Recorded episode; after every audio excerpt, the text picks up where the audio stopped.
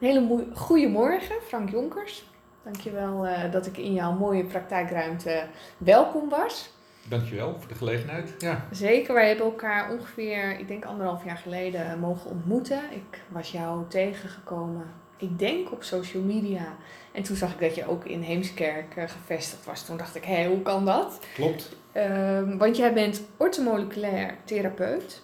En jij staat ervoor om gezond en fit te worden op een natuurlijke manier.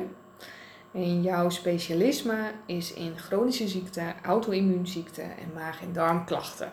Klopt. Ja. Kerngezond en leefstijl als medicijn, dat is waar je voor staat. Ja. Nou, daar ben ik natuurlijk enorm in geïnteresseerd. Um, omdat jij ook, zeker op jouw website ook had staan, dat jij zoveel mensen met een chronische ziekte van de medicatie af hebt kunnen helpen door aan de slag te gaan met met name voeding. Klopt. Ja, en voor mij blijft voeding um, nog steeds een uitdaging. Een uitdaging in die zin. Ik weet dat het heel gezond voor me is. Ik merk ook verschil als ik nog gezonder ga eten. Maar omdat er geen noodzaak meer is, omdat ik me over het algemeen al zoveel beter voel, val ik elke keer toch weer terug in slechte gewoonten. Ja. En toen sprak ik jou en dan lees ik over voeding en wat je doet. Dus ik dacht, ja, daar is zoveel over uh, te vertellen. Klopt. Ja, en het bizarre is natuurlijk, voeding wordt ons continu maar aangeboden waar we ook zijn. En de vraag is, is dat de goede voeding die we aangeboden krijgen? Of is dat de voedingsindustrie die zoveel mogelijk wil produceren en verkopen? Ik denk het laatste, totdat je zelf gaat nadenken van alles wat ik erin stop, maakt dat me beter of maakt dat me slechter? En voeding kan opbouwen of kan afbreken. Het kan je ziek maken en ziek houden. Of het kan je beter maken en beter houden. Um, maar naast die voeding hebben we heel veel andere uitdagingen ook. Uh, misschien loop ik wat vooruit op jouw vragen. uh, maar als je gaat kijken naar chronische ziektebeelden, auto-immuunziekten, uh, dan zie je een aantal dingen die daar als rode draad doorheen lopen. dat is inderdaad onze voeding. iedere dag eten we voeding. als je 75 jaar oud bent, dan heb je ongeveer 30.000 kilo voeding gegeten, 40.000 liter vloeistof gedronken, ongeveer. En de vraag is, wat ja, werk je naar binnen? Uh, ik was daar vroeger zelf ook een voorbeeld van, hoe het minder goed was en hoe het nu wel kan. Uh, maar onze voeding wordt ook geproduceerd met ja, vaak ziekmakende factoren. En we moeten steeds meer gaan produceren wereldwijd. Dus wat gaan ze doen? Ze gaan er pesticiden voor gebruiken en dat soort dingen steeds meer en steeds vaker, waardoor we ja, chronisch massaal ziek worden. Daarnaast hebben we industriële omgeving ook wat te maken heeft met uh, auto-immuunziekten. Dus denk aan vervuiling. Uh, dat is niet alleen ons drinkwater. In mijn boek noemde ik het al, de kwaliteit van drinkwater met medicijnresten, dat is bizar. Uh, dus iedere keer krijg je medicatieresten naar binnen, wat, ja, wat ook niet uh, gezond is voor je. Um, daarnaast ook denk aan omgevingen waar zware metalen zijn. Zoals hier in de omgeving in de regio bij Tata Steel en dergelijke, waar op dit moment ook rechtszaken tegen lopen of gaan lopen. Um, en het kan allemaal wel schoon geproduceerd worden. Maar het grote probleem is dat de aandeelhouders regeren. En de aandeelhouders het geld wegsluizen en uiteindelijk ja, de bevolking onnodig ziek wordt gemaakt. Dat, dat geldt voor heel veel industrieën. Want het is mogelijk om schoon te produceren. Alleen de vraag is, um, ja, wordt dat ook gedaan? Maar is het volgens jou dus zo dat wij chronisch ziek worden?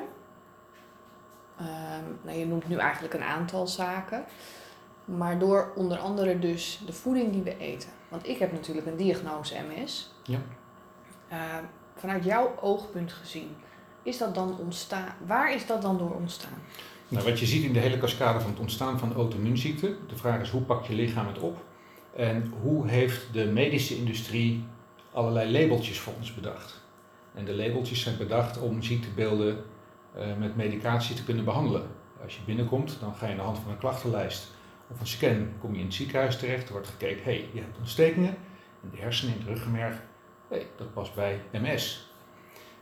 Hier heb je medicatie of andere dingen, volgende patiënt. Alleen onze vraag is altijd, waarom heb je die chronische ontstekingen? En je ziet chronische ontstekingen ten grondslag liggen aan allerlei auto-immuunziekten. Of het nou je chronische darmziekten zijn, ziekte van Crohn, colitis ulcerosa, uh, multiple sclerose, wat, wat jij hebt, uh, reumatische aandoeningen, Um, en reumatische aandoeningen kunnen ook weer als nevenactiviteit of nevenbeeld ontstaan bij ziekte van Crohn of colitis ulcerosa. Omdat het grootste gedeelte van auto-immuunziekten uh, ook vanuit de darmen ontstaat. En de darmen zijn 80% ongeveer wat je immuunsysteem bepaalt. Als je er maar continu, ik noemde net die getallen al van 30.000 liter vloeistof, 40.000 kilo voeding. Als je nou continu maar je hele leven die voeding erin stopt die niet bij je past, of waarvan je intoleranties hebt, denk aan gluten, denk aan zuivel, kan dat continu die ontstekingen veroorzaken en die darmproblemen geven en die auto-immuunziekte triggeren. Ehm, dat is één. Dus de darm is alles bepalend. En de darm bepaalt ook, neem je de voedingsstoffen wel of niet op. Heb je ontstoken darmen, krijg je een malabsorptie, neem je voedingsstoffen slecht op. Denk aan celiakiepatiënten uh, met glutenprobleem.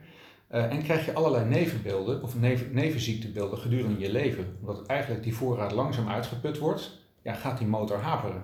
Vergelijk altijd met een uurwerk. Uh, als je daar het kleinste radertje uittrekt, staat die stil. Ons lichaam zit iets genialer in elkaar. Die gaat ja, dingen in, in, proberen toch weer in balans terug te krijgen. Maar ergens loopt het vast. Heb je tekort aan vitamine B12, vitamine D3, vitamine C, al dat soort dingen, krijg je steeds grotere problemen. Nu bijvoorbeeld, even een hot topic, is COVID. Bijna alle patiënten die een groot probleem hebben, zijn zwaar deficiënt aan vitamine D. De vraag is, waarom wordt daar niks mee gedaan? Uh, dus zo zie je dat kleine stofjes, dus het kleinste radertje, dat ervoor kan zorgen dat je lichaam gaat, gaat haperen. dus gluten is belangrijk, voeding is belangrijk. Maar een van de bijzaken is, ik noemde net al het gif, is de grote hoeveelheid glyfosaat die in onze voeding wordt, wordt gebruikt en kanker veroorzaakt en auto-immuunziekte. Um, dat zit massaal op tarwe, op soja, op mais, op alle grote gewassen en alle gewassen die genetisch gemanipuleerd zijn. Uh, denk aan de bedrijven zoals Monsanto, die, uh, die het glyfosaat heeft uh, ontwikkeld. Monsanto is nu gefuseerd met Bayer. Dus je hebt het, het, grootste bedrijf, Bayer is een van de grootste farmaceutische bedrijven. Dat is eigenlijk, eigenlijk wel bizar. Dus het ene bedrijf maakt je ziek met de pesticiden. En dan zegt het andere bedrijf, daar hebben wij wel een pilletje voor. Maar zoals dat jij, is het kartel. Maar zoals jij het nu beschrijft, als ik dat dan hoor, dan denk ik, maar wat kunnen we in godsnaam dan doen? Ja, en ook eten. Ja, ja.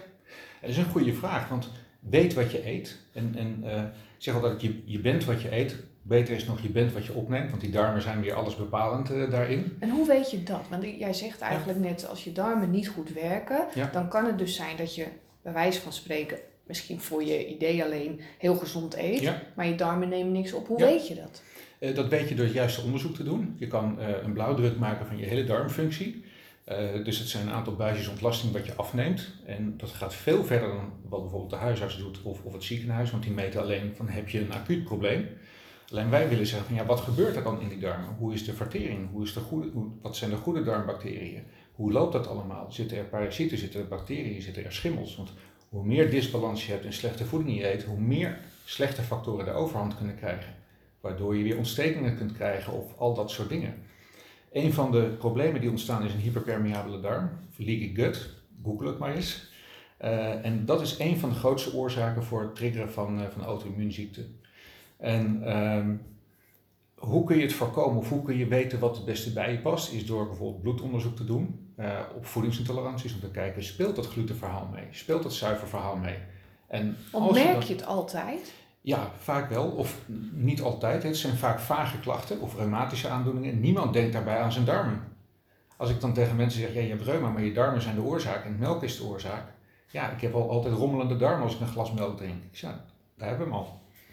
Uh, dus dat zijn dingen uh, wat vroeger niet bekend was, maar wat vandaag de dag uh, wel goed bekend is en wat je gewoon prima in kaart kan brengen. maar wat het ziekenhuis of de huisarts niet doet. Kijk ook maar hoe de voedingsadviezen nog zijn opgebouwd volgens de schijf van vijf. Daar zit allemaal brood in, daar zit melk in. Um, en hoeveel chronisch zieke mensen hebben? Meer dan de helft van de bevolking. 60% van de bevolking heeft één of meerdere chronische ziektebeelden.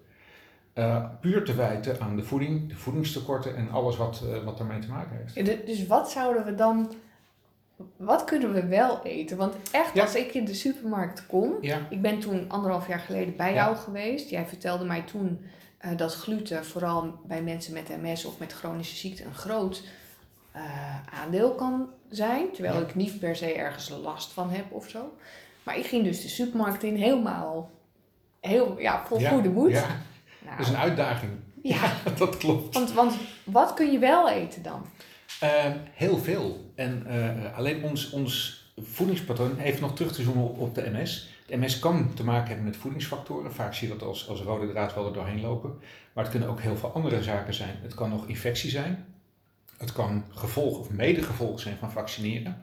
Ik heb heel veel mensen gehad met MS uh, die soeps kregen nadat ze weer gevaccineerd waren. Dus dan zie je daar ook het effect van, wat logisch is. Want het geeft een soort auto-immuunreacties op je immuunsysteem. Dus heb je auto-immuunziektes, ga zeker niet vaccineren. Dat is eigenlijk de boodschap ook. Uh, kun je het zo stellig zeggen? Ja, dat kun je zo stellig zeggen. Want zelfs farmaceuten zeggen dat. Doe het niet. Dan heb je grote problemen met je immuunsysteem, maak je het vaak alleen nog maar groter. Um, Terwijl ik wel elk jaar de oproep krijg voor de griepprik en nu ook van... Uh, ja, ja, steeds meer artsen zeggen dat ook, van het is, het is de grootste kolder. Um, het zijn uitspraken waardoor je vaak door de mangel wordt gehaald. Maar dan zeg ik altijd, oké, okay, je probeert me door de mangel te halen om te zeggen vaccineren is eigenlijk niet goed voor ons lichaam. Maar als je gaat kijken naar het vaccineren, heeft dat bizarre vormen aangenomen. Als je gaat kijken naar kinderen die gevaccineerd moeten worden, nu ook met COVID-vaccin bijvoorbeeld, zwangere vrouwen waar ze aan het testen mee zijn, die, uh, waar kindjes doodgeboren worden, uh, zelfs baby's die ze willen gaan vaccineren met COVID-vaccin, waar, ja, wat gewoon niet handig is als je weet wat erin zit. Ja. Andere discussie. Ja, dat is een andere maar vaccineren speelt een grote rol mee, absoluut. Uh, we hebben voorbeelden in de praktijk ook van HPV-vaccins, zeg maar, bij, bij jonge meiden. Dat ze zeggen, ja, daarvoor had ik geen probleem. En direct zie je daarna auto-immuunziekte getriggerd worden. Dus dat zijn allemaal dingen wat je, wat je ziet. Um, voeding blijft één met de pesticiden erin. Dus eet in ieder geval alvast biologisch. Dat scheelt echt veel. Vraag is alleen, hoe, is, hoe biologisch is biologisch? Uh, toen ik net een rondleiding gaf door de tuin, vertelde ik al het verhaal van, uh, van de broccoli. Uh, ik kweek trouwens alle groenten bijna zelf. Ehm, als je de broccoli in de supermarkt neemt, dan is die na een week nog knapperig, zogenaamd vers. Als ik hem hier afsnijd, dan is hij na één of twee dagen is die slappig. Wat logisch is, hij krijgt geen water meer. Dus de vraag is, wat gebeurt er met ons voedsel? Het is allemaal GMO. En de kunst is om te kijken, hoe kan ik nou zoveel mogelijk zelf kweken? Want dan weet je, er wordt geen gif gebruikt dan weet je, ik snij hem af en het is gewoon een eerlijke stroom broccoli. Zonder dat er GMO op toe is gepast of dat soort dingen. En de vraag is, wat zit er uiteindelijk aan voedingsstoffen in onze voeding? In 1990 is er volgens mij al een, een, rapport gestuurd naar de overheid dat de voeding steeds leger en holler werd. Denk aan broccoli waar minder calcium in zit, minder magnesium, minder zink, selenium en dat soort dingen. Dat zijn allemaal de mineralen die ons gezond en fit houden. Selenium voor je immuunsysteem, zink voor je immuunsysteem. Heb je te weinig zink en vitamine D, heb je een probleem met COVID. Dus zo kun je gewoon kijken hoe kun je die preventie doen. Uh, toen ik jou een rondleiding gaf, zei ik al van ja, alle compost hier in de tuin is, is, uh, is goede voeding. Hè. Dat, dat is ecologisch, is biologisch, je weet waar het vandaan komt, zit geen gif op. Uh, om de grond mineraalrijk te maken gebruik je lavameel. Uh, als je gaat kijken, dan uh, vraag je je wel eens af waarom uh, bepaalde volkeren hun dorpje onderaan een vulkaan bouwen. Terwijl ze weten, er kan een uitbraak komen, dat calculeren ze in. Maar die grond is gigantisch mineraalrijk. Dus de voeding die je daar verbouwt zit vol met voedingsstoffen en dan houd je fit en gezond. Totdat de vulkaan uitbreekt, dat is minder handig. Hebben we hier geen last van, maar ik heb wel de mineraalrijke ja. grond. dus dat zijn allemaal factoren die, die meespelen in ja, hoe gezond is onze voeding wat zit er niet in, maar juist ook wat zit er wel in. Maar dan terug naar de vraag, kijk, jij hebt een, een fantastische plek gecreëerd waarin je inderdaad, je liet het net aan mij zien, een moestuin hebt, je, je hebt je eigen fruitbomen, uh, alles, alles ben maakt. gezegend. Dat, ja, geweldig. Dat realiseer ik me heel goed. Ja. Maar nu woont iemand anders, die woont in een rijtjeshuis of die heeft een flat en uh, nou, die gaat naar die, naar die supermarkt en die zegt, ik wil gezond eten. Ja. Ja, dat is best lastig. Ja. Ten eerste zeg ik altijd van op je balkon kun je ook heel veel kweken. ja. Zit daar allemaal bakken neer? Ja, absoluut hoor. Ja. En je ziet dat ook steeds meer gebeuren. Of op je dakterras, of, of zelfs in Amsterdam heb je dakterras eh, compleet omgebouwd tot voedseltuintjes. Ja. En doe je dat met een hele wijk, dan kun je met elkaar ook gaan, gaan ruilen. En ik denk dat we naar zo'n nieuwe wereld toe moeten, dat je steeds meer lokaal gaat doen in plaats van ja, het hele milieu, het systeem te belasten met dat wij onze voeding exporteren met vliegtuigen en dure transporten met vervuiling. En dat we de, ja, ik noem het de voedsel shit maar importeren. Uh, vol met GMO en, en pesticiden, dat halen we dan weer terug. Ja, dat is een heel raar systeem. Ja. Terwijl als je dat probeert lokaal in te regelen, um, en die initiatieven zie je steeds meer. Hè. Denk aan de voedselbossen die je, die je ziet ontstaan. Ja, dat zijn geweldige initiatieven. Ja. terug te komen op jouw vraag van eh, wat doe je dan in de supermarkt? Ehm, dat blijft lastig, want er ligt wel biologisch, maar ja, hoe biologisch is dat? En heel duur. En heel duur, ja. Ik noemde bijvoorbeeld al de spersiebonen van, eh, bij, bij een natuurwinkel van een halve kilo voor, uh, voor 6 euro. Ja. ja. dat is bijna niet te betalen. Weet je, heb je een groot gezin, ja, dan kun je dat bijna niet doen. Ehm, ja, dan is de vraag, heb je een tuin? Ja, doe die niet bestraten, maar zet die vol met ja. groentes of andere dingen, weet je. Alleen we kiezen vandaag de dag ja, toch voor gemak. Ehm, terwijl ik denk dat we naar een ander soort gemak moeten en dat is voedselgemak. Dus bouw je tuin om zoveel mogelijk zelfvoorzienend, bespreek dat in de wijk of met de buren. En misschien is er wel een plantsoen waarvan je zegt van, hé, hey, mag ik dat misschien met de gemeente, mag ik dat gebruiken? Mm. Uh, zo leer je je kinderen ook van, wat is eerlijke voeding? Uh, want als je aan heel veel kinderen, kleine kinderen vraagt, waar komt, wat, wat is een aardappel, waar groeit dat? die komt uit de supermarkt. Nee, die gooit onder de grond. Hier, graag maar eens uit. Ja, maar tot die tijd ja. Ehm, zit ik nu even mezelf in deze situatie te zetten en denk ik, dus wat, welke producten zeg je van, ik zit bijvoorbeeld even te denken van, nou, bijvoorbeeld crackers, uh, bijvoorbeeld brood, uh, bijvoorbeeld van die krakotdingen, van die... Uh, ja. ja. eigenlijk moet je toe, als, als je je ogen dicht doet, visualiseer dit doe, je ogen, doe geen gekke dingen, doe je ogen dicht. stel dat je door, door het bos, door het natuurgebied zou lopen. Zou je dan pakken met crackers aan de bomen zien groeien, of broden, of pakken melk? Of, of pakjes met cholesterolverlagers of medicijnen? Of zou je een oase van groen zien met kleuren en dat soort dingen? Denk aan bomen, struiken waar bessen aan groeien. Denk aan de, uh, ja, de bosaardbeidjes. Denk aan de rucola die je zelfs in de duinen kunt vinden. Denk aan paardenbloemwortels die je kunt eten. Ook de paardenbloemen. Paarden eten die om gezond te blijven. Maar wij kunnen dat ook. Alleen we zijn dat vergeten om, uh, ja, om dat te leren. En dat is weggeëpt omdat voeding ons is geworden. Maar als we weer teruggaan naar de basis, want eigenlijk is het bizar dat de mens uit een boek moet leren wat hij moet eten. Als een leeuw geboren wordt, ja, die gaat geen brood eten. Die gaat met zijn moeder op jacht. Dus brood moeder, is ook de moeder jaagt en de vader eet alleen. Hè? Dat beschermt de kudde. Ja. Uh, of de, de roedel. Uh. Uh, dus dat is een beetje vergeten allemaal. En ik denk dat we daar weer naar terug moeten. Wat is nou gezonde, eerlijke voeding? En gezonde, eerlijke voeding komt niet uit de fabriek. Dat komt uit de natuur. En het liefst dat de weg van het land naar het bord zo kort mogelijk is. Ja.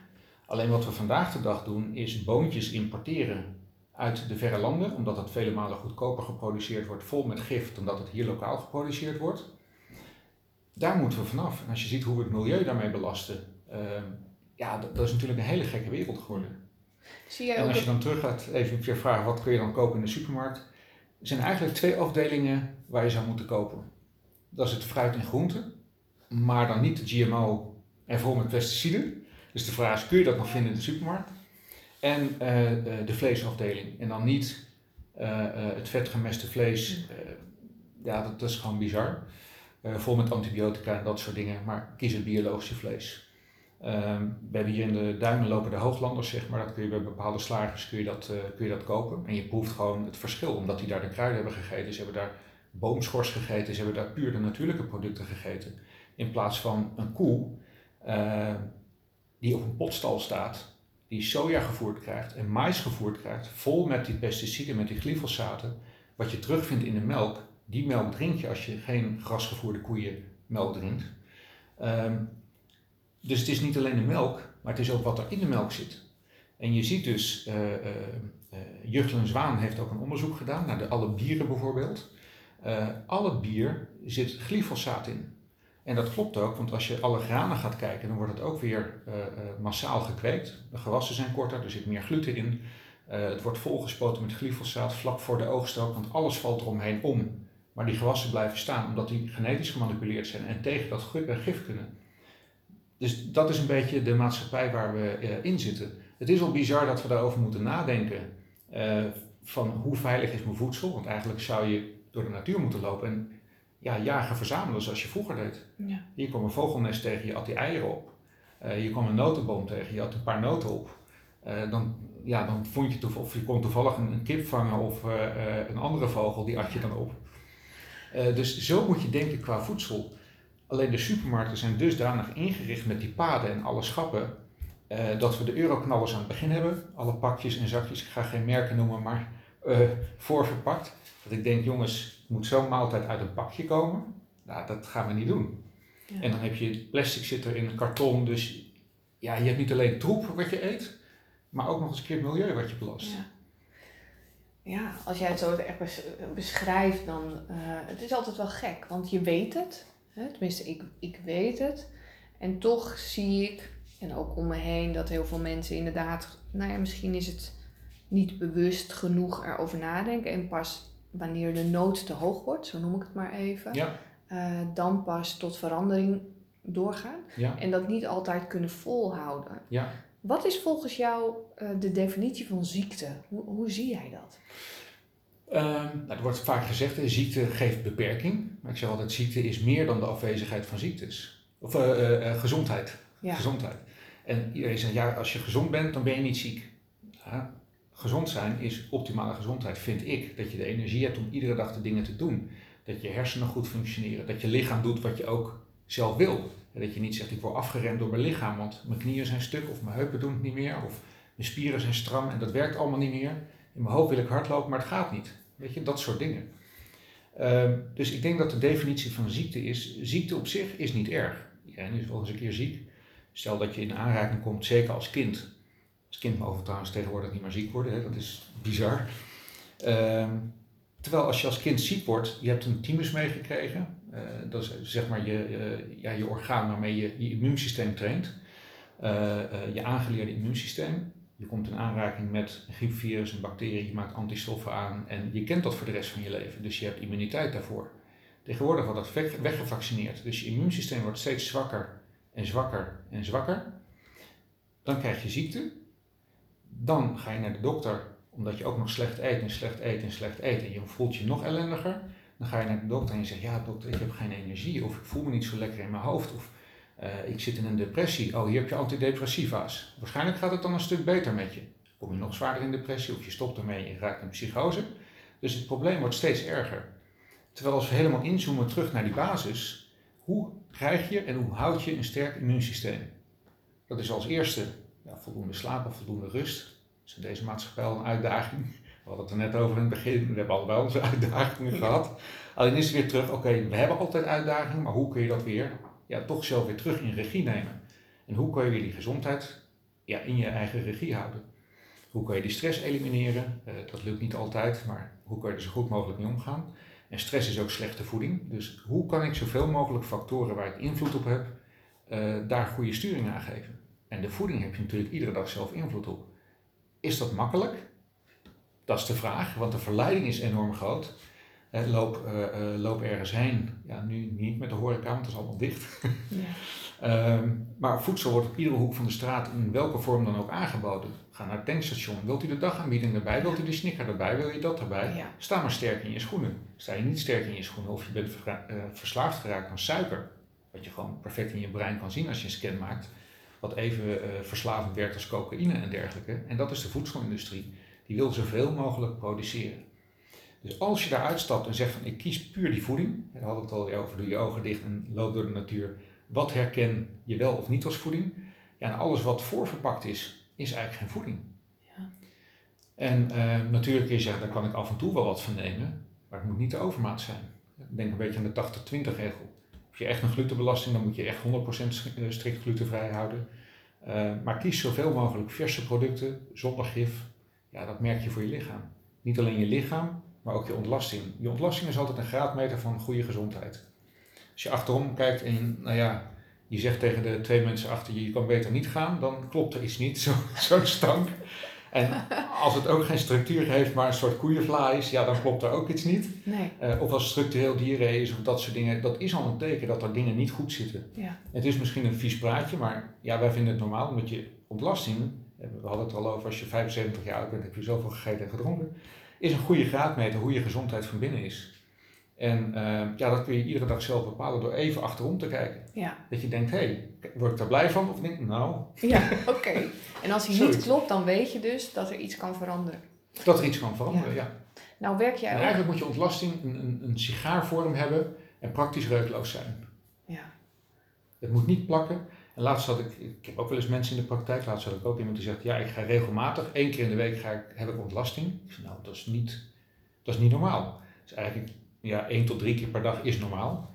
En uh, heb je prikkelbare darm, moet je vaak al twintig keer, of ziekte van Crohn, of dat soort dingen. Dus dan zie je al dat voeding of parasieten, bacteriën daar, ja, daar overhand hebben. Ja. En als je dat terugdraait, ja, dan ga je weer richting normaal. Maar het is wel een mindset van, oké, dit is de voeding die ik kan eten. En heel vaak helpen de tools daarbij om te zeggen in bloed, in ontlasting, dit is er aan de hand. Dit zijn de harde feiten. Als je daar rekening mee houdt, gaat weer de goede kant op. Ja. Eigenlijk heel simpel. Ja, en tegelijkertijd een uitdaging, Ja. denk ik. Ehm, welke zijn er bijvoorbeeld, jij noemde net al een aantal ziektes, hè? dus we hebben het gehad over MS, eh, ziekte van Crohn, eh, prikkelbaar, prikkelbaar darmsyndroom. Zie jij bijvoorbeeld een bepaalde relatie tussen ehm, een ziekte en wat je dan eet? Of is dat per persoon en ook de omgeving en de, de, genen afhankelijk? Ja, dus het is echt, er zijn een heel aantal componenten die, eh, die mee kunnen spelen. Bijna altijd zie je wel voeding meespelen. in meer of mindere mate. En vaak is het, ja, ik vergelijk met de spreekwoordelijke emmer of vat wat vol is gelopen. Je zag de regentonnen hier staan. Nou, als het zwaar geregend heeft, zitten ze vol. Eh, maar de vraag is, ja, iedere keer komen er factoren bij in de loop van je leven dat die emmer zeg maar vol loopt. Ehm, voeding heb je invloed op, maar komt er nog een infectie bij, of er komt stress bij, of er komt trauma bij, of er komen andere zaken bij, ja, dan loopt die echt over. En dan is het kijk, raadzaam om te kijken op welke factoren kun je als eerste invloed uitoefenen. En hoe kun je dat kraantje onderin openzetten, zodat het weer langzaam leegloopt. Nou, voeding is daar één van. We het over omgevingsfactoren. Denk aan hier in de buurt, eh, ik ga geen noemen, maar de fabriek. Ehm, zo zijn er in Nederland nog een aantal plekken waar eh, industrie zeg maar, een hoofdrol speelt. En wat je mee ziet spelen in ziektebeelden bij, eh, bij mensen. Luchtvervuiling, ik noemde drinkwater al. Dus zorg in ieder geval voor extra gezuiverd drinkwater. Dus een extra filter plaatsen in je, in je gootsteen-kastje. Dat is echt geen overbodige luxe. Ehm, nu zijn de water, eh, waterzuiveringen wel aangepast weer. Maar het grootste probleem, eh, wat ze ook zeggen bij de waterzuiveringen, is het weghalen of eruit halen van medicatieresten. En dan heb je het over chemo, je hebt het over hartmedicatie, je hebt het over pilgebruik van de vrouwen, want dat, ook dat is extreem. Eigenlijk moeten we er allemaal gewoon mee stoppen. En eh, zelfs de waterzuiveringen zeggen dat al. En we kunnen stoppen met medicatie, want niemand heeft chronisch medicatie nodig. Als je maar teruggaat weer naar die basis waar we het over hadden. Is het dan ook zo, denk jij, dat als iemand ehm, zo ziek is, dat je dan, wanneer je geen medicatie zou gaan, gaan gebruiken, want dat Ja. is vaak wat je als eerste te horen krijgt, Ja, maar dat zo iemand direct gaat kijken naar nou ja, wat jij eigenlijk net noemt, voeding, stress, eh, mindset, omgeving, dat je daarmee eigenlijk ook de klacht kunt oplossen. Juist daar kun je de klacht mee oplossen. Medicatie lost de klacht niet op, want je pakt het achterliggende probleem niet aan. En heel vaak wordt er gezegd, het is een auto-immuunreactie. Ik heb eh, vorige week een nieuw artikel geschreven, dat is nog in de, in, eh, in de nakijkfase, eh, over medicatie als een van de grootste boosdoeners bij het veroorzaken van auto-immuunziekten. En ehm, we zijn natuurlijk een, tijd geleden begonnen in de farmaceutische industrie met het ontwikkelen van de biologicals, van de immunosuppressiva's. Dus medicatie wat het immuunsysteem onderdrukt. Ehm, maar het bizarre is dat we maar continu spreekwoordelijk die pleisters aan het plakken zijn. En ik vergelijk het altijd in het artikel ook, dus licht ik een tipje van de sluier op. Stel dat je een waterlekkage hebt, wat zou je doen? Zou je dan de bron opzoeken? Of zou je maar iedere keer een laag eroverheen stukken doren? Dat is wat er in de medische zorg gebeurt. Ehm, totdat je bij de grond bent gekomen en je hele kamer dichtgestuurd is tot aan de grond en het nog steeds lekt. Ja, dan slopen we de boel maar in geziekte van. Hè? Dan krijg je zware medicatie. Werkt het allemaal niet, want je gaat het hele protocol door. Je komt binnen met een scan. Je waarschijnlijk ziekte van Crohn. Je gaat medicatie A tot en met Z ga je af. Alles werkt tijdelijk. Ja, dan weten we het niet meer. Dan snijden we de darm er maar uit. En nog steeds hebben we de oorzaak niet gevonden, omdat we maar zeggen, ja, het is een auto-immuunziekte. Word je in een hokje geplaatst en kun je iemand behandelen volgens de protocollen. Maar ja, zie jij jezelf als een protocol? Ik ook niet. Ik zie me als een mens met unieke factoren. Die leeft in een unieke omgeving, want het kan zijn dat in deze omgeving iemand anders leeft dan in Groningen of in Limburg. Ja. Met andere industriële factoren, et cetera, of andere luchtverontreiniging of wat dan ook. Heeft iemand zware tekorten? Is zijn darmflora goed? Ehm, wat speelt er mee? Ehm, is hij schilder geweest? Heeft hij gewerkt met oude verflagen en dat soort dingen, waardoor hij hoge loopbelasting heeft en een auto-immuunziekte heeft ontwikkeld? Uh, heeft hij allemaal gaanvullingen in zijn mond, waardoor je een hoge kwikbelasting hebt, wat we meten in bloed allemaal. Dus je meet vaak hoge extreme loodwaardes voor mensen die aan autowegen hebben gewoond, of die veel op de weg zitten, uh, of schilder zijn geweest, of lasser zijn geweest, die zware metalenbelasting hebben. Al die factoren kunnen meespelen. En uh, een van de artikelen die ik had geschreven over auto-immuunziekte, vergelijk het met een, uh, een ketting die gesloten is. Als er één schakeltje uit is, is het probleem nog steeds aanwezig. Mis je één schakeltje in die hele keten, zal die auto-immuunziekte blijven bestaan. Want het kan gluten zijn, het kan zuivel zijn, het kan lood zijn, het kan kwik zijn. Het kan dat trauma zijn van vroeger, het kan uh, parasieten zijn, het kunnen bacteriën zijn, het kan een virus zijn, het kan een vaccinatie zijn. Dus het is zo'n mix, zo'n palet aan verschillende factoren, dat je zegt van we moeten het onderzoek ontwikkelen waarbij je die factoren in kaart kan brengen. En dan kan je keihard zeggen van dit zijn de dingen ja. waar je rekening mee moet houden. En is dat wat jij doet? Dat is wat we doen. Ja. Meten is weten. En wat mij verbaast is dat we dat niet doen in de ziekenhuizen. We doen dat niet bij de huisarts. Huisartsen zeggen tegen mij, ik kan eigenlijk net zo goed een computer in de wachtkamer zetten. Dat mensen opzoeken wat het probleem is en dat ze zelf naar de apotheek rijden. Dat is wat ze doen. Of iemand doorsturen naar de fysio. Maar als je problemen aan je knie hebt of aan je heup of je hebt stramme spieren, dan kan je naar de fysio gaan. Als je vitamine D tekort hebt en een glutenprobleem en een zuivelprobleem en een zware metalenbelasting, dan kan je naar de fysio gaan, maar die gaat het niet oplossen. Ehm, als je dat onderliggende probleem aanpakt en je gaat parallel naar de fysio, dan zie je iemand keihard opknappen. Ja. Maar anders heb je iemand die vijf, zes jaar bij de fysio loopt en uiteindelijk nog een probleem heeft. Ja. En dat is hoe we die zorg maar continu zo duur mogelijk kunnen houden. We kunnen terug naar vier, vijf tientjes per maand zorgpremie. Bizar. Ik vind het echt, ik vind het echt bizar. Um, wat ik me afvraag is, um, dit vraagt wel van mensen uh, heel veel verantwoordelijkheid. Want als jij bijvoorbeeld, stel iemand komt bij jou of bij een van jouw uh, medewerkers. Nou, die komt erachter, oké, ik kan niet tegen gluten. Oh, ik heb nog een trauma op te lossen van vroeger. Um, ik mag geen, uh, of ik moet nog iets met, met mijn omgeving doen. Ja, en dan ligt het bij jou. Ja. ja, en de vraag is op welke factoren kun je nu invloed uitoefenen? Want ik kan zeggen, ja, morgen moet die fabriek sluiten, maar dat is denk ik kansloos. Ja. Tenzij de overheid dat bepaalt, maar daar spelen er andere belangen mee, andere discussie. Uh, maar de, in, de, zaken waar je wel invloed op kan uitoefenen, of permanent ontgiften, om dat lood kwijt te raken, om dat uh, uh, prik kwijt te raken, al dat soort dingen, daar kun je wel direct mee starten. En dan zie je al hele goede resultaten. En heel vaak heb je ook tekorten aan bijvoorbeeld vitamine B12 of andere zaken, waardoor die hele ontgifting niet goed loopt. Als je dat weer goed op gang brengt, dan kan het zijn dat je in een ja, redelijk vervuilde omgeving toch je homeostase kan behouden. Dus dat je lichaam daar toch mee overweg kan. Maar ja, is dat ene radertje er al uit, dus dat B12 tekort, ja, dan gaat die machine vastlopen. Komen er dan nog vervuilende factoren bij, kun je dat niet kwijt, ja, dan gaat het accumuleren en loop je helemaal vast. En dan heb je die auto-immuniteitsreactie. Wat er wordt gezegd is dat een auto-immuunreactie een reactie is dat het lichaam ongepast of dat het immuunsysteem het eigen lichaam aanvalt. Het zal het nooit doen.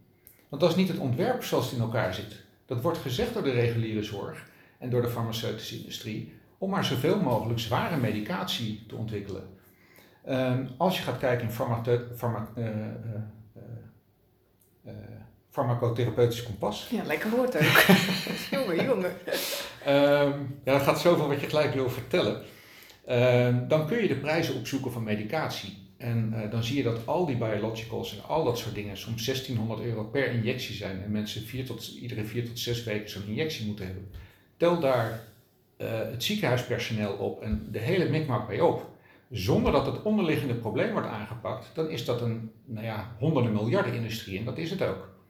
Terwijl als je die oorzaken aanpakt, kun je al die mensen van die auto-immuunreacties afhalen. Alleen is een hele andere benadering om het systeem op te schoppen. En ik vergelijk dat wel eens met mijn zoontje, die heeft een doos met Lego, heel veel Lego. Is dit ergens niet mee eens, breekt hij alles af en vanaf scratch wordt alles weer opgebouwd. Dat moeten we ook doen met het zorgsysteem. Maar dat vraagt een hele andere benadering en ja, belangen die meespelen. Ja. Want één ding is zeker, de patiënt staat niet meer centraal. Patiënten worden zelfs geschoffeerd of uh, artsen worden boos als we, als we mensen van medicatie uh, afhalen. En de patiënt staat daartussenin, terwijl de patiënt zegt, ik ben klant. Of het nou van de arts is, of van de therapeut, of van, uh, van wie dan ook. De patiënt betaalt de rekening, dus de patiënt moet ervan uitgaan dat hij optimaal wordt geholpen. Als ik tegen jou zeg, of als jij mij opdracht zou geven om jouw huis te schilderen, En je zegt, mijn huis moet, uh, nou ja, wat vind je een mooie kleur? Mm, een beetje turquoise. Turquoise. Ik weet niet of dat in mijn huis zou en doen. ik verf maar... knalrood. ik denk niet dat je blij bent. Nee. Um, dus dat zijn dingen, als je opdracht geeft, en dat doe je bij de huisarts, van los alsjeblieft mijn probleem op, maar je, daar word je vaak geschoffeerd. Als een schilder jou schoffeert, of, of de opdrachtgever dan ook, ga je daar dan nog kopen. Maar bij mij, als ik het eh, bekijk, bijvoorbeeld toen ik in het ziekenhuis aangaf dat ik dus geen medicatie wilde gebruiken, want dat was inderdaad de oplossing die ik te horen kreeg. Eh, toen was het de neuroloog die ik op dat moment had, eh, vond dat niet verstandig. Ja, dus daarin zit nu ook nog eerst. Ik vind wel dat je de verandering in ziet. Want bijvoorbeeld, eh, ze zijn nu ook steeds meer wel bezig met voeding, et cetera. Maar ik zie ook, ik heb ook heel veel mensen gesproken die bijvoorbeeld eh, mensen met ziekte van Crohn heb ik toen gesproken, waren vrij jong.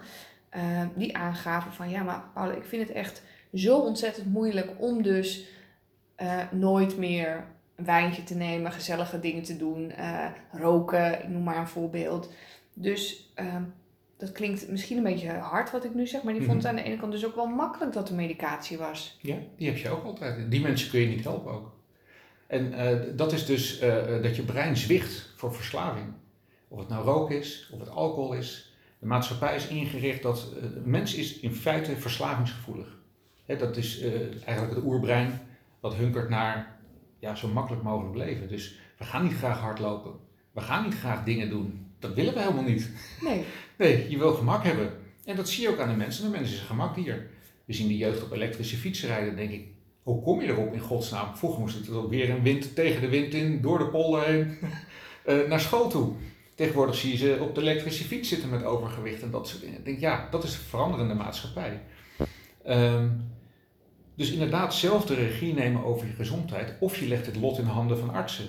Maar ja, welke kant zou je beter maken? Ja. En ik heb hier een plaatje bijvoorbeeld. Ik zal laten zien.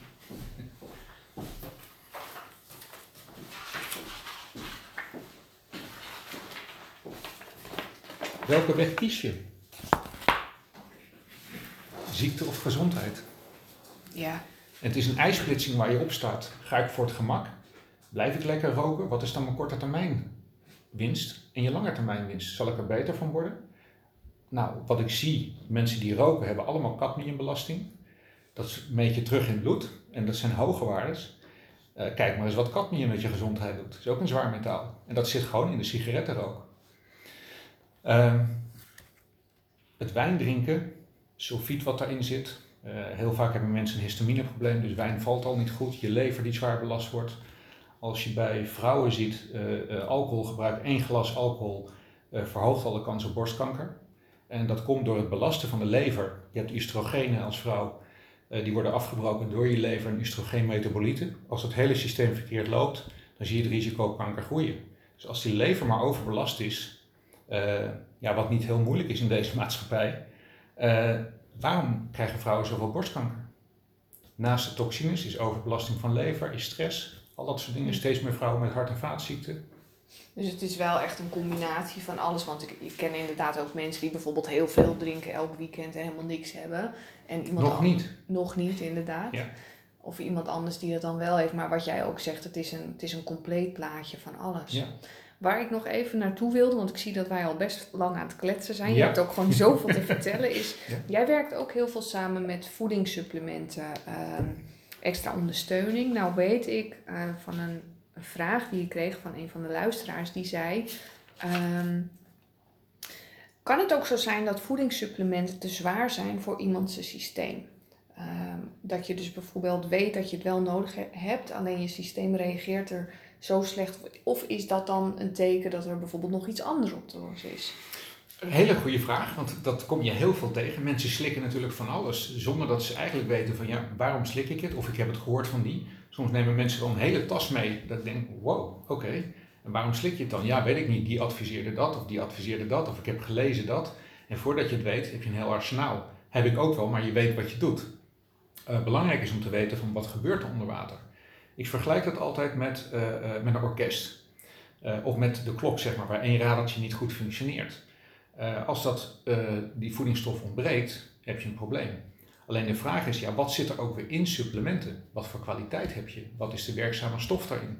En dat geldt bij uh, medicijnen, maar dat geldt in vaccins. Weet wat je in je lichaam stopt. Of het nou de voeding is, uh, weet wat je erin stopt of juist moet vermijden. Um, heel veel supplementen worden gemaakt door de farmaceutische industrie. Laat die links liggen, want dat is allemaal chemische kwaliteit. Pak ortomoleculaire kwaliteit in ieder geval en kijk wat de werkzame stof is. Dus dat vergt heel veel kennis. Het bizarre daarvan is dat de Europese wetgeving heeft verboden om te zeggen waar het goed voor is. En uh, dat is onder invloed van onder andere de medicijnindustrie uh, gebeurd. Dus die hele wetgeving is bepaald, je loopt de winkel in, maar je weet eigenlijk niet meer wat je moet kopen. Ook daarvoor geldt weer van, ja, wat voor de een goed werkt, werkt voor de ander minder goed. De vraag is hoe loopt die hele cyclus? Dus meet in bloed. En dat is waarom we altijd uitgebreid bloedonderzoek doen. Soms wel 15 of 16 buisjes bloed. Ik zeg altijd, je houdt nog bloed over. Ja, dat klinkt inderdaad veel. Als je bloeddonor bent, dan geef je al veel meer. Dan geef je gauw een halve liter. Nou, dit is iets van 60 of 80 cc. Maar je wil weten, meten is weten is mijn slogan. Je wil weten, ik kom uit de ICT oorspronkelijk vroeger en je wilde weten wat gebeurt er op netwerken. Waar gaat het goed, waar gaat het minder goed en wat moet je aan problemen oplossen. Ik zeg altijd, hoe kan je iemand behandelen als je niet weet wat het probleem is? Dan ben je eigenlijk aan het kwakzalven, aan, aan, aan, aan het trial and error. Is dat een goed, goed woord? Nee. nee. trial and error. Ja. Uh, dus je, je doet maar wat. En dat zie je in de ziekenhuizen. Je ziet dat er zwaarste medicatie wordt gegeven. Ik had laatst een meisje van 16 jaar, daar wilden ze preventief een stuk darm weghalen, uh, omdat het ontstoken was. Waarom niet kijken wat de oorzaak is? Waarom op 16 jaar preventief een stuk darm eruit trekken, waardoor het probleem levenslang nog groter wordt? Of kinderen van, ik heb nu een meisje van 11 en een jongetje van 9, waar ze de zwaarste immunosuppressiva's gaan geven. Die hebben nog het hele leven voor zich. Kijk, de bijsluiters, de risico op kanker groeit, al dat soort dingen. Daar wordt niet over nagedacht, denk ik. Um, even terug naar de vraag. Het was, uh... Uh, ja, de vraag was inderdaad van... Uh, kan het dus zo zijn dat je systeem slecht reageert oh ja, op ja. voedingssupplementen? Um, dat zou kunnen. Dus de vraag is inderdaad, wat is die samenstelling? Um, stel dat jij zegt van ik heb weinig energie en ik ga een vitamine B100 complex slikken. Of uh, uh, ik ga heel hoog, uh, ja, hoog gedoseerd vitamine B-complex slikken. En er zit een verkeerde vorm van vitamine B6 in, kun je neuropathie krijgen, al dat soort dingen. Dus wil niet per definitie zeggen, hoe meer je gaat slikken, hoe beter het is. Dus meet altijd in bloed van hoe is de vitamine- en mineralenstatus. Dan kun je precies zeggen van daar zitten de tekorten, dat moet je aanvullen op die manier. Ja, en dan heb je eigenlijk geen bijwerkingen. Ja. Behalve omdat je gezonder en fitter wordt. Nou, daar willen we allemaal dus wel Dat is wel de bedoeling. Jeetje, Mina. Dus ja, weten wat er gebeurt. Ja. ja. ja. En een Duitse arts zei altijd tegen mij, uh, uh, messen, maggen, messen. Dus je moet eerst alles in kaart brengen, dan problemen proberen op te lossen, kijken of dat goed gaat, dus weer opnieuw controleren. En dat is wat we ook altijd doen. Iemand die bij ons komt, krijgt eerst een uitgebreide intake, 140 tot 160 vragen. Uh, je wil weten wat er bij die persoon gebeurt, wat zijn omgeving is, wat zijn voeding is, uh, of die stress heeft, of die trauma's heeft, hoe die geboren is. Al dat soort dingen spelen mee het ontwikkelen van gezondheid of ziekte. Uh, dan maken we vervolgens, uh, of doen we onderzoek, dus ontlasting. Dat kunnen soms vijf buisjes zijn, gedurende een aantal dagen wat op kweek wordt gezet. Soms 15, 16 buisjes bloed bij auto-immuunziekte. dan ga je alles analyseren en dan maak je een maatwerkplan gebaseerd op feiten. Dus dat betekent de voeding aanpassen, de supplementen aanpakken, uh, heel misschien, en dat gebeurt zelden, uh, dat je iemand doorstuurt bijvoorbeeld voor EMDR-therapie in verband met trauma of dat soort zaken, want anders is het gewoon onbegonnen werk. Ja. Uh, en ik moet zeggen, iedereen die bij mij komt, wil dat, want die zitten vaak op 15 of 20 jaar of soms korter of langer met problemen en die willen er vanaf. Dus ze zeggen, geef mij die handvatten maar. En het mooie is als alles inzichtelijk is, op papier, van dit is het probleem, houden ze zich eraan. Alleen als jij iets doet waarvan je weet van ja, heeft dat überhaupt wel zin? Tegen jou zegt, jij moet glutenvrij gaan eten, want misschien is het wel goed voor je, dan word je niet blij. Nee, maar als ik het zie in mijn bloed. Ja, en je merkt het na een paar weken. En dan zeggen mensen, ja, als ik nu dan weer gluten ga eten of zuivel ga drinken, word ik dan weer ziek? Ik zeg, probeer het maar. Dan komen ze terug, nou dat ga ik niet meer doen. Ja. ja. Dus dat is de beste leerschool, proberen. Ja. En wat is dan genezing volgens jou? Uh, genezing is uh, het terugdraaien van het probleem. Want uh, heel vaak zegt, dat zijn de discussies die heb ik ook al met artsen gehad, die dan die boos worden omdat je patiënten van medicatie afhaalt en zeggen, ja, hij is niet genezen, want hij moet levenslang een dieet hebben. Zeg, ja, hij wordt ziek door de omgeving. Want het, is de, zijn epigenetische factoren die ons ziek maken. Het, zijn, het is nooit een, een, genafwijking. onze lieve schepper, of, of hoe je het ook wil noemen, of welke visie je dan ook hebt, die zegt niet, ik ga iemand een glutegen geven of dat soort dingen. Nee, je kan niet tegen gluten. Mensen zijn niet gebouwd om granen te eten of om melk te drinken. Dat is voor kalfjes. Dus als jij dingen doet wat niet bij je past, ja, dan word je ziek. Ik bedoel, als jij een liter terpentine op gaat drinken of een liter benzine, ja, dat zal ook niet goed zijn. Dan kan je zeggen, ja, dat vind ik lekker. Ja. maar je wordt er niet beter van. Ehm, dus dat zijn allemaal dingen, gewoontes die ingesleten zijn, die ons uiteindelijk wel ziek maken. En idem dito met roken of met alcohol of al dat soort dingen. Dat zijn allemaal dingen die we erbij verzonnen hebben, die eigenlijk niet in de natuur thuis horen. En waar ligt dan de grens tussen, uh, want genezing, jij zegt, is terugdraaien van het probleem. Nou heb ik een diagnose MS. Ja. Ik voel me heel goed. Ja. Ik heb nog steeds af en toe wel klachten. Ja. Ehm, in hoeverre is een, een chronische ziekte volledig op te lossen, wil ik niet zeggen. Ik zeg altijd genezen is oké zijn met de situatie hoe die is. Um, soms heeft bijvoorbeeld iemand een, een zenuwprobleem uh, opgelopen of kan zijn hand niet meer uh, gebruiken. Zijn dat soort dingen volgens jou ook helemaal op te lossen? Dus tot hoeverre is het lichaam in staat, dat is eigenlijk waar ik naartoe wil, ja. om volledig te genezen, ook fysiek gezien? Ja, dat is een hele goede vraag en dat is afhankelijk per persoon. Um, het lichaam is geniaal om te herstellen. Je wil maar één ding, dus overleven. En ik pak altijd mensen met diabetes. Het belangrijkste is dat het hart blijft doorkloppen. Of je onderbeen eraf valt en afsterft, is allemaal niet belangrijk. Het lichaam staat in overlevingsstand. Dat is al een heel ver stadium. Ja, dat kun je nooit terugdraaien natuurlijk. Het enige wat je kan doen is zeggen van oké, die situatie gaan we stabiliseren. We gaan zorgen dat je bloedsuiker weer goed komt. Maar ja, als jij je benen kwijt bent, kan je niet meer lopen, kan je niet meer dingen. Dus ja, niet bewegen, zeg ik ook altijd, is langzaam doodgaan. Want bewegen is een van de belangrijkste factoren in ons leven. Um, en dat wordt te makkelijk gemaakt. Ik vergelijk het al met de jeugd op de elektrische fietsen, dat soort dingen. Mensen achter een rollator of in een scootmobiel. staat ook in uh, een van de artikelen die ik van de week heb geschreven ook. Uh, over ouderen, gezond en fit blijven, ouderen medicijnen gebruiken en dat soort dingen. Blijf bewegen. Weet je, op het moment dat je niet meer beweegt, ga je langzaam dood. Uh, dus de vraag is, hoe kun je je lichaam weer ja, zo goed mogelijk laten herstellen? Hoe jonger je bent, hoe minder of geen medicatie gebruikt, hoe sneller dat gaat hoe ouder je bent, hoe meer medicatie je gebruikt, hoe meer fysieke schade er al is, ja, dan kun je dat nooit meer terugdraaien natuurlijk. Dus daar zit een hele bandbreedte in van wat er wel of niet mogelijk is. Uh, als je gaat kijken, ik doe heel veel met ziekte van Crohn-colitis ulcerosa. Daar kun je het heel perfect kijken aan de hand van het ontstekingsbeeld. En er zijn altijd aanwijsbare oorzaken, meestal infectie of gluten of zuivel of een combinatie daarvan.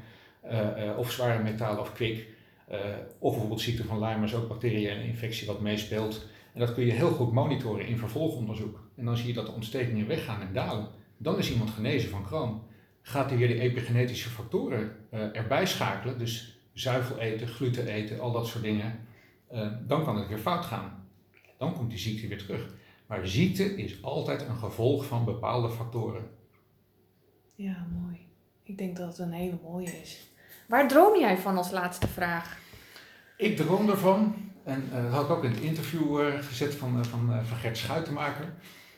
ik droom ervan als we, stel ik minister van Volksgezondheid zou zijn, dan zou ik de hele zorg reorganiseren. En dan zou ik geen ziekenhuizen meer hebben, want je wordt al ziek als je daar binnen loopt. denk aan de lucht of het klimaat of geen verse lucht daarbinnen, of dat kan heel anders. Beter maakhuizen maken, zoveel mogelijk medicatievrij, tenzij je het soms echt nodig hebt. maar dan zo kort mogelijk. En mensen weer zorgen. Eh, als je gaat kijken in de geschiedenis, dan betekent de term dokter eigenlijk een soort leraar die de mensen onderwijst over gezondheid. Nou ja, wat heb jij van je artsen geleerd? Iets over gezondheid? Nee, dus dat is heel langzaam verwaterd onder invloed van andere factoren. Eh, om dat weer terug te brengen. Uh, maar wat ik al zei, dan zal je eerst een gigantisch sterk team om je heen moeten verzamelen, omdat je zoveel weerstand krijgt van uh, de rest van het systeem. Ehm, maar dan zou ik gaan kijken naar betermaakhuizen, mensen uh, educatie geven over goede voeding, gezondheid en al dat soort dingen. Ik zou een suikertax inheffen of beter nog gaan kijken hoe kunnen we gezonde voeding produceren. Of lokale initiatieven promoten, subsidie opgeven. Uh, mensen gratis vitamine D geven, visolie, multivitamine, ook voor de oudere mensen, zodat ze achter de rollator weg kunnen. Uh, zodat ze niet meer in het bejaardenhuis zwak, ziek en misselijk zitten, half depressief, maar om het huis heen rennen. Eh, zodat ze in beweging blijven. Uh, Zo'n soort wereld. En proberen lokale voedselinitiatieven uh, te ontplooien, dat mensen weer gaan nadenken van wat is nou eigenlijk voeding, ook voor de volgende generatie, voor onze kinderen. Ja. En zo langzaam de wereld kunnen veranderen, kunnen omkeren. Prachtig. Dat je nog maar heel veel mensen mag inspireren. Dankjewel. En jij heel erg bedankt. Dankjewel.